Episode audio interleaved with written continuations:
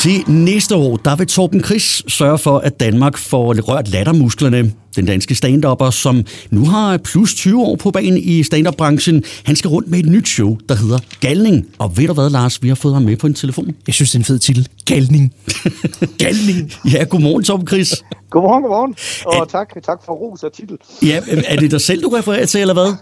Ja, men altså, det er jo, øh, det kan man jo så ikke se i radio, men det er jo galt skrevet med stort, ikke? Og så ning bagved, fordi ja. at, ja, jeg er jo lidt kendt for at have den her lidt uh, hissige stand-up-stil, hvor jeg ligesom går til angreb på et eller andet med den her uh, logiske comedy, og så gør jeg grin med det, fordi det er til grin, og så får jeg hisset mig voldsomt op undervejs. Uh, så, så jeg er jo egentlig gal, når jeg står på scenen.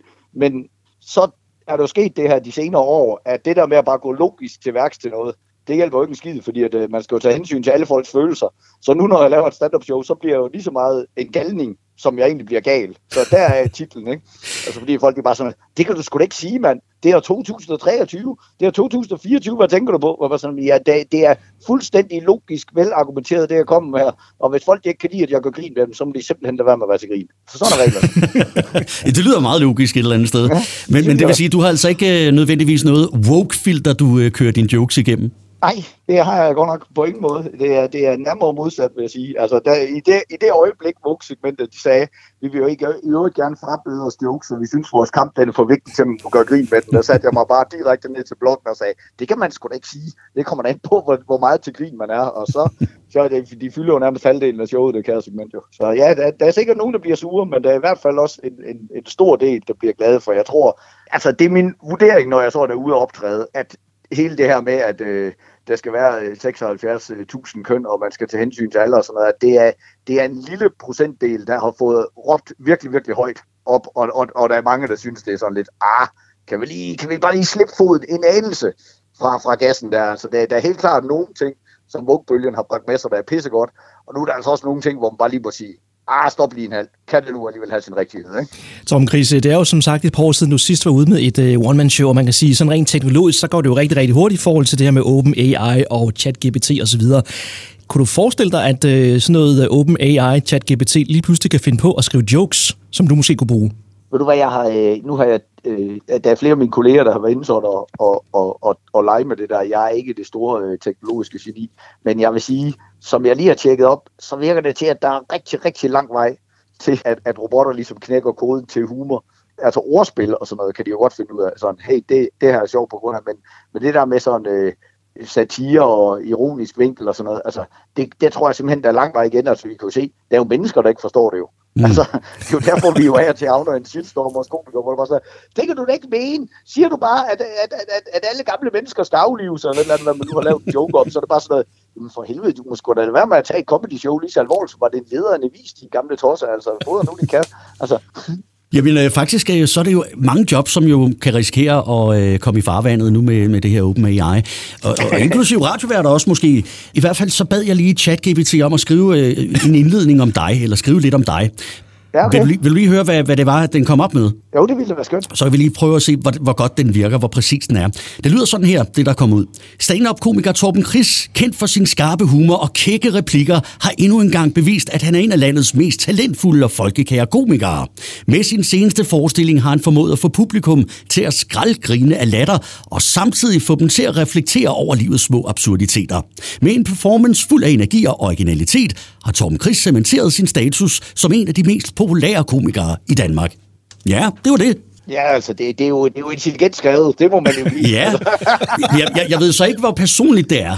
Nej, det, man kan jo godt høre, at det var brudstykker, øh, altså nu har jeg jo en ret i min så jeg kan jo sagtens høre, at det er brudstykker, der er taget fra forskellige pressetekster okay. og sat sammen og sådan noget, og så, og så bliver det jo selvfølgelig en, øh, en, en stor ros. Det er, jo, det, er jo, altså, det, er jo også helt, det er jo også helt ukritisk. Præcis. Så ja. øh, umiddelbart så er der ikke noget, der tyder på, at dit og øh, vores arbejde er i far sådan lige forløbig. Der kommer ikke robotter på, øh, på stand-up-scenen sådan lige umiddelbart. Jeg, jeg tror ikke, vi skal stresse over det, så længe det, det er sådan noget, øh, noget humormæssigt og noget, det der med relationen mennesker imellem. Jeg tror ikke, det er de jobs, de tager. I ved jo også godt, at de ting, der er aller, aller skægest på jeres arbejde, det er jo det der, hvor man både har det fedt, altså både som komiker og som radiovært, det er jo det der med, tit så når man går hjem, så den dag, man har haft det aller sjovest, det er jo også den dag, hvor man har gjort sit arbejde allerbedst. Altså sådan tror jeg sjældent, det er som revisor, at han bare kommer hjem og tænker, hold kæft, man, det var bare den sjoveste og bedste arbejdsdag. Men hvorimod, hvis I får et grineflip i studiet eller et eller andet, så er det jo fordi, at de har lavet noget, der er pisse sjov, og så er det som regel også været sjov at høre på. Og jeg har svært ved at forestille mig sådan to robotter, sætte og øh, gå hinanden op, og så lige pludselig knække en joke til et eller andet, der er skæg, og så komme til at knække sammen, og noget, der bare var sjovt, og man bare tænkte, hold da kæft, den der samtale, den stak det helt af. Det er jo det, de ikke kan jo. Så altså, jeg tror ikke, vi skal ikke stresse over det, lige i vores segment. Øh, Tom Chris, du, øh, du har jo en virkelig en, en stor, stor fan, som bor på Langeland. Kan du ikke lige prøve at fortælle historien om fanen her? ja, det er ret sjovt. Øh, det, der sker, ikke også, det er, min booker siger jo, hey, skal vi have nogle busreklamer og sådan noget. De kører meget rundt i landet. Vi kan jo sætte dem på forskellige steder, øh, og så, så få klistret de der busser ind. Og så, øh, som den øh, nære jyde jeg er, så tænker jeg jo, men jeg kører jo omkring 40.000 km om året, så jeg pakker lige min egen bil ind i, i store galningplakater, i stedet for billeder af mig i spændingsrøg og alt muligt. Ikke? Så tænker jeg, så, så tror jeg jo taget nogle billeder af den, lagt op på Facebook. Og så er der nemlig en mand, han bor i Fredericia, men han arbejder for Langeland øh, Kommune i øh, familierådgivningen øh, for øh, socialforvaltningen. Ikke? Så derfor han, kører han virkelig mange kilometer på landvejen, så siger han, jeg kører 60.000 km om året. Vil du også pakke min bil ind? Fedt. det er kraftigt med en god idé, siger jeg. Det skal vi da selvfølgelig bare have gjort. Det synes jeg, det er en sjov historie. Så vi får fat i, uh, i bildeko nede i Give der, og de holder ekstra åben for os, og vi får øh, pakket hans bil ind. Og så imens vi står der i gang med det, så, så lægger jeg mærke til den sløjeste buket blomster, der ligger inde i den der bil. Mm. Altså, og, og, jeg, altså, jeg siger sløj, altså det ligner, han har tænkt, ah, nu har han alligevel ligget op på mors gravsted i fire dage, nu må jeg heller lige, nu må, nu må jeg heller lige fjerne den der igen. Ikke? Altså, det er, ikke, det er ikke en af de store flotte buketter, vel? Øh, så siger jeg, hvorfor har du blomster til at lægge i bil? Og så siger han, jamen det er fordi, jeg regner med, at konen bliver sur over det her. Altså, så har lige købt en buket blomster.